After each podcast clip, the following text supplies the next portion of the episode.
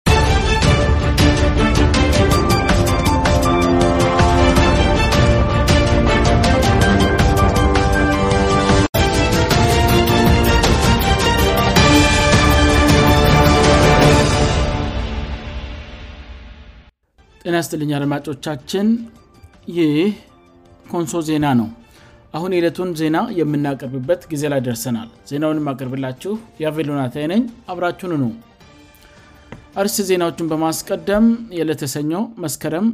9ቀን215 ዓም አንኳር ዜናዎችን አሰማለሁ በሀዋሳ የሚኖሩ የኮንሶ ተወላጆች በድርቅ ለተጎዱ ወገኖች 18 ኩንታል የበቆሎ ድጋፍ ማድረጋቸው ተገለጸ በኮንሶ ዞን የመጀመሪያ የአካል ጉዳተኞች ማዕበልፀጋ ማህበር መቋቋሙ ተገለጸ አዲሱ ስርዓት ትምህርት ከዛሬ ጀምሮ በአንደኛ ደረጃ ትምህርት ቤቶች ተግባራዊ ይደረጋል ተባለ የብሪታኒያ ንግሥት ዳግማ ወልሳቤጥ የቀብር ሥነስርዓት በዛሬ 2ለት በልዩ ክብር ተከናወነ አሁን ዜናውን በዝርዝር አሰማለሁ በሐዋሳ የሚኖሩ የኮንሶ ተወላጆች በድርቅ ለተጎዱ ወገኖች 18 ኩንታል የበቆሎ ድጋፍ ማድረጋቸው ተገለጸ በሐዋሳ ከተማ የሚኖሩ የኮንሶ ምሁራንና ተወላጆች በድርቅና በግጭቶች ምክንያት ለረሃብ ለተጋለጡ ወገኖች ድጋፍ የሚሆን 18 ኩንታል በቆሎ መለገሳቸውን የዞኑ የመንግሥት ኮሚኒኬሽን መሥሪያ ቤት አስታውቋል የእህል ድጋፉ በአቶ ኩስያ በቀለና በአቶ ገረሱ ካውሶ እጅ ለዞን አደጋ ስጋትና ቅድሚ ማስጠንቀቂያ ጽህፈት ቤት መድረሱ በዘገባው ተገልጿል ድጋፉ በሐዋሳ ከተማ የሚኖሩ የኮንሶ ተወላጆች ለድጋፉ ባሰባሰቡት 52200 ብር የተገዛ ነው ተብሏል ከ190 በላይ ዜጎች ለረሃብ አደጋ መጋለጣቸውን የአደጋ ስጋትና ቅድሜ ማስጠቀቂያ ጽህፈት ቤት መረጃ አንጠቅሰን መዘገባችን አይዘነጋም የኮንሶ ምሁራን ከኮንሶ ልማት ማኅበር ጋር በመተባበር በሁለት ዙር የድጋፍ ማሰባሰብ ተግባራት መፈጸማቸውም አይዘነጋም በመጀመሪያ ዙር በምሁራንና በልማት ማኅበር የጋራ ርብርብ ከ300 ኩንታል በላይ የህል ድጋፍ የተደረገ ቢሆንም የዞን ኮሚኒኬሽን መሥሪያ ቤትም ሆነ የዞን አስተዳደር ጽፈት ቤት ድጋፉን እውቅና በመንፈጋቸው ከፍተኛ ትችት ሲደርስባቸው እንደነበረም አይዘነጋም የዞኑ የአደጋ ስጋትና ቅድሜ ማስጠንቀቂያ ጽህፈት ቤት ኃላፊ አቶ ገደኖከወይታ የሐዋሳውን ድጋፍ በተረከቡበት ወቅት ከተለያዩ ተቋማት የተሰባሰበውን ለጽፈት ቤታቸው የደረሱ እርዳታዎች አሁንም በቂ ያለመሆናቸውን እና ድጋፉ ተጠናቅሮ መቀጠል እንዳለበት ጠይቀዋል በድጋፍ እህል ርክክብ ወቅት ሌሎችም የዞን መንግሥት የሥራ ኃላፊዎችና የብልጽግና ፓርቲ አመራሮች መገኘታቸውእና ድጋፍ ላደረጉ የሐዋሳ ምሁራን ምስጋና ማቅረባቸውም ተገልጿል ይህ ኮንሶ ዜና ነው በኮንሶ ዞን የመጀመሪያ የአካል ጉዳተኞች ማበልፀጋ ማህበር መቋቋሙ ተገለጸ በኮንሶ ዞን በአይነቱ የመጀመሪያ እንደሆነ የተነገረለት አገር በቀል የአካል ጉዳተኞች ማበልፀጋ ተቋም መቋቋሙን የተቋሙ ሥራ አስኪያጅ አቶ ዘነበ ሰንበቶ ለኮንሶ ዜና በላኩት መረጃ አስታውቀዋል ሰሊሆም የአካል ጉዳተኞች ማበልፀጋ ማኅበር የሚል መጠሪያ እንዳለው ኃላፊው የተናገሩ ሲሆን መንግሥታዊ ያልሆነ ለንግድ ያልተቋቋመ ሃይማኖታዊ ተቋም ያልሆነና አላማውን የአካል ጉዳተኞችን ህይወት መለወጥ ላይ ብቻ ያደረገ የበጎ አድራጎት ማህበር መሆኑንም በመረጃው አብራርተዋል ማህበሩ በዞን ደረጃ አንዳንድ እንቅስቃሴዎችን በማድረግ ላይ እንደሚገኝና በቅርቡ የምዝገባ ሂደቱን እንደሚያከናውን አቶ ዘነበ ለኮንሶ ዜና በላኩት መረጃ አስታውቀዋል ማህበሩ እስካሁን ባደረጋቸው እንቅስቃሴዎች በተለያዩ የኮንሶ አካባቢዎች ለሚገኙና የተለያዩ የአካል ጉዳት ላለባቸው ወገኖች የተለያዩ የግንዛቤ መፍጠሪያ ስልጠናዎችን መስጠቱን ና ብዙዎችን ከተደበቁበት ለመጀመሪያ ጊዜ መውጣት በመቻላቸው እጅግ መበረታታቸው ተገልጿል የማህበሩ ስራ እስኪያጭ አቶ ዘነበስ ሰንበቶ የማኅበሩ አባል መሆን ያለ ልዩነት ለሁሉም ባለቅ ልብ ዜጎች ሁሉ መሆኑን ተናግረው መሳተፍ የሚፈልግ ሁሉ የማህበሩ አባል በመሆን አካል ጉዳተኞችን ለመርዳት የምደረገው እርብርብ እንድደግፍ ጥሪ አቅርበዋል ይህ ኮንሶ ዜና ነው አዲሱ ስርዓተ ትምህርት ከዛሬ ጀምሮ በአንደኛ ደረጃ ትምህርት ቤቶች ተግባራዊ ይደረጋል ተባለ የትምህርት ሚኒስቴር ላለፉት ዓመታት ሲያዘጋጅ የቆየው አዲሱ ስርዓተ ትምህርት ከዛሬ ሰኞ መስከረም 9 ቀን 215 ዓ ም አንስቶ በመጀመሪያ ደረጃ ትምህርት ቤቶች መተግበል እንደሚጀምር ትምህርት ሚኒስቴር አስታውቋል የዘጠነኛና የአስረኛ ክፍር ስርዓት ትምህርት ደግሞ በኢትዮጵያ በሚገኙ 80 የሁለተኛ ደረጃ ትምህርት ቤቶች ውስጥ በሙከራ ደረጃ የሚሰጥ ሲሆን በቀጣዩ ዓመት ወደ ሙሉ ትግበራ እንደሚገባ ትምህርት ሚኒስቴር አስታውቋል በሚሰጡ የትምህርት አይነቶች ና የትምህርት ደረጃ አደረጃጀት ላይ የተደረጉ ለውጦችን የያዘው የአንደኛ ደረጃ ስርዓት ትምህርት አገር በቀል ዕውቀቶችን በሁሉም የትምህርት አይነቶች ውስጥ ለማካተት የተሞከረበት መሆኑ ተገልጿል የመጽሐፍ ዝግጅት ብቻውን 3ስት ዓመት እንደፈጀም አክለው ተናግረዋል በአንደኛ ደረጃ ትምህርት ውስጥ ከተደረጉ ለውጦች መካከል አንዱ ከአንኛ እስከ6ኛ ክፍል የግብረገብ ትምህርት የሚሰጥ መሆኑ እንደሆነ በትምህርት ሚኒስትር የተፈጥሮ ሳይንስ ትምህርት ስርዓት ትምህርት ዴስክ ላፊ ወይዘሮ ዛፉ አብረሃ ተናግረዋል ከዚህ ቀደም ለሰባተኛና ለስምታ ክፍል ተማሪዎች ራሳቸውን የቻሉ የትምህርት አይነቶች ሆነው ይሰጡ የነበሩት ኬሚስትሪ ባዮሎጂ እና ፊዚክስ ጄነራል ሳይንስ በሚል የትምህርት አይነቶች እንድጠቃለሉ ኃላፊዋ የትምህርት ስርዓቱን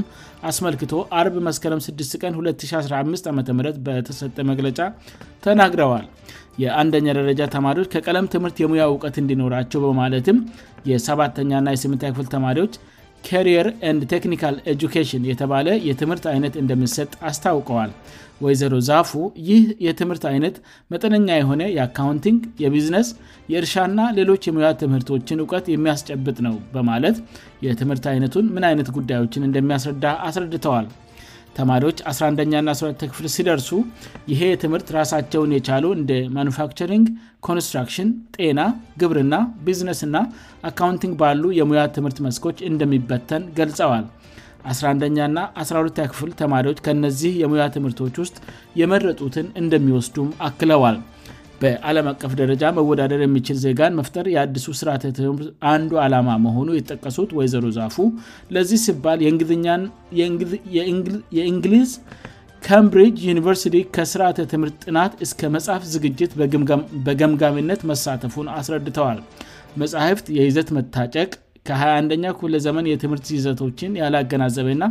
ከተግባራዊ ሙያ ጋር አለመጣጣም የቀድሞዎቹ መጽሕፍት ላይ የታየ ችግር ሆኖ መለየቱንና ኬምብሪጅ ዩኒቨርሲቲ በአዲሶቹ መጻሕፍት ዝግጅት ውስጥ እነዚህን ችግሮች ለመቅረፍ እገዛ ማድረጉን ገልጸዋል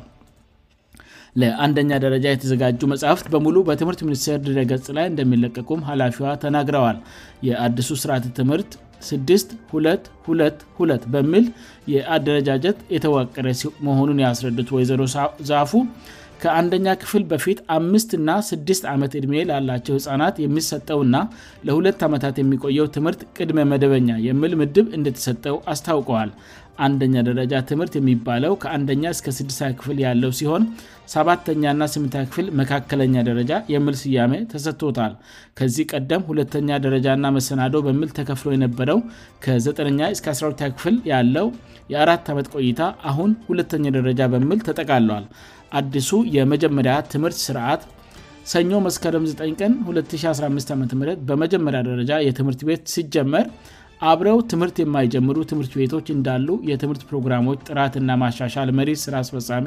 አቶ ዮሐንስ ወጋሶ ገልጸዋል በጦርነት ምክንያት የትምህርት ቤቶች መውደም የተማሪዎችና ወላጆች መፈናቀል እንዲሁም ድርቅ ለእነዚህ ትምህርት ቤቶች አለመጀመር በምክንያትነት ተጠቅሰዋል አቶ ዮሐንስ እንደገለጹት 5214 ሳይጠናቀቅ በአጠቃላይ በሀገሪቱ በሚገኙ ትምህርት ቤቶች 293 ሚሊየን ተማሪዎች ለመመዝገብ ታቅደው የነበረ ሲሆን ከዚህ ውስጥ እስከ ጳጉሜ 5 214 ዓ ም ድረስ የተመዘገቡት ተማሪዎች ብዛት 163 ሚሊየን ነው ይህም የእቅዱን 556 በመ0 ብቻ የሚሸፍንነው ተብሏል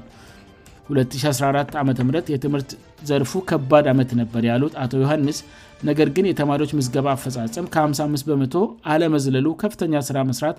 መሰራት እንዳለበት የሚጠቁም መሆኑን ገልጸዋል ጦርነት ባገረሸባቸው አካባቢዎች የሚገኙ ትምህርት ቤቶች መዝገባ ካለመፈጸማቸው አካባቢዎች መካከል መሆናቸውን የሚኒስትሩ የህዝብ ግንኙነትና ኮሚኒኬሽን ዳይሬክተር አመለወርቅ ህዝቅኤል ለሪፖርተር ተናግረዋል ሁሉም ክልሎች ተማሪዎችን ወደ ትምህርት የመመለስ ዘመቻ እያከናወኑ መሆናቸውን የገለጹት ዳይረክተሯ ትምህርት ቤቶች እስመስከረም 20 ቀን 2015 ዓም ድረስ የቅድመ ዝግጅት ምዕራፍ ላይ ስለሚሆኑ ምዝገባውን ያከናውናውን ልምል ግምት እንዳላቸው ተናግረዋል ይህ ኮንሶ ዜና ነው በመጨረሻም የብሪታንያ ንግሥት ዳግማውጥ ኤልሳቤጥ የቀብር ሥነስርዓት በዛሬ ዕለት በልዩ ክብር ተከናወነ ብሪታንያን ላለፉት 7 ዓመታት በንግስና ሲያገለገሉት ንግሥት ኤልሳቤት ዳግማዊ በተወለዱ በ96 ዓመታቸው በህመም ህይወታቸው ማለፉ ይታወሳል ሕይወታቸው ያለፈው የንግሥት ኤልሳቤት አስክረን ላለፉት አ0ር ቀናት በተለያዩ የብርታንያ አደባባዮች እየተዘዋወረ የሀገሪቱ ዜጎችም ሐዘናቸውን ሲገልዙ ቆይተዋል በዛሬ 2ለትም የንግሥቱ ስርዓተ ቀብር መፈፀሙ በአለም ሚዲያዎች የተዘገበ ሲሆን በዚህ ብሔራዊ ስርአተ ቀብር ፕሮግራም ላይ ከ200 የዓለማችን ሀገራት የተውጣጡ ከ500 በላይ መሪዎችና ተወካዮች በቀብር ስነስርቱ ላይ መገኘታቸው ተገልጿል ከነዚህም መሪዎች መካከል ቅዳሜ ይለት ለንደን የገቡት የኢትዮጵያ ፕሬዝደንት ሳይለወርቅ ዘውዴ የአሜሪካው ፕሬዝደንት ጆ ባይደን የካናዳው ጠቅላይ ሚኒስትር ጃስትን ትሩዶ የቻይናው ምክትል ፕሬዝደንት ዋንግግዣን የአውስትራሊያው ጠቅላይ ሚኒስቴር አንቶኒ አልባኒዝ የኒው ዚላንድ ጠቅላይ ሚኒስቴር ጃዚንዳ አርደን የኬንያ ፕሬዝደንት ዶክተር ዊልያም ሩቶ የሶማሊያው ፕሬዚደንት ሐሰን ሼክ ሙሐመድ የሱዳን ጦር አዛሽ ና የሀገሪቱ ለዓላዊ የሽግግር ምክር ቤት ሊቀመንበር ለፍትናንት ጀነራል አብዱልፈታህ አልቡርሃን ና የደቡብ አፍሪካው ፕሬዝደንት ስሪል ራማፎሳ እና ሌሎችም አስቀድመው ለንደን በመግባት በቅብር ሥነ ሥርአቱ ላይ ተሳታፊ ሆነዋል ይይህ ኮንሶ ዜና ነው አድማጮቻችን ዜናውን ከማብቃት በፊት አርስ ዜናዎቹን በድጋሚ ያሰማለሁ በሐዋሳ የሚኖሩ የኮንሶ ተወላጆች በድርቅ ለተጎዱ ወገኖች 18 ኩንታል የበቆለ ድጋፍ ማድረጋቸው ተገለጸ በኮንሶ ዞን የመጀመሪያ የአካል ጉዳተኞች ማበልፀጋ ማኅበር መቋቋሙ ተገለጸ አዲሱ ስርዓተ ትምህርት ከዛሬ ጀምሮ በአንደኛ ደረጃ ትምህርት ቤቶች ተግባራዊ ይደረጋል ተባለ የብሪታንያ ንግሥት ዳግማውት ኤልሳቤጥ የቀብር ሥነስርዓት በዛሬው ዕለት በልዩ ሁነታ ተከናውኗዋል ዜናው በዚያ በቃ አድማጮቻችን የዕለቱ አንኳር ዜናዎቻችን ይህን ይመስሉ ነበር ስላዳመጣቸውን እናመሰግናለን ኮንሶ ዜና በቀጣይም በተመሳሳይ ዝግጅት እንደሚጠብቁት ተስፋ ያደርጋል እስከዚያው በደና ቆዩን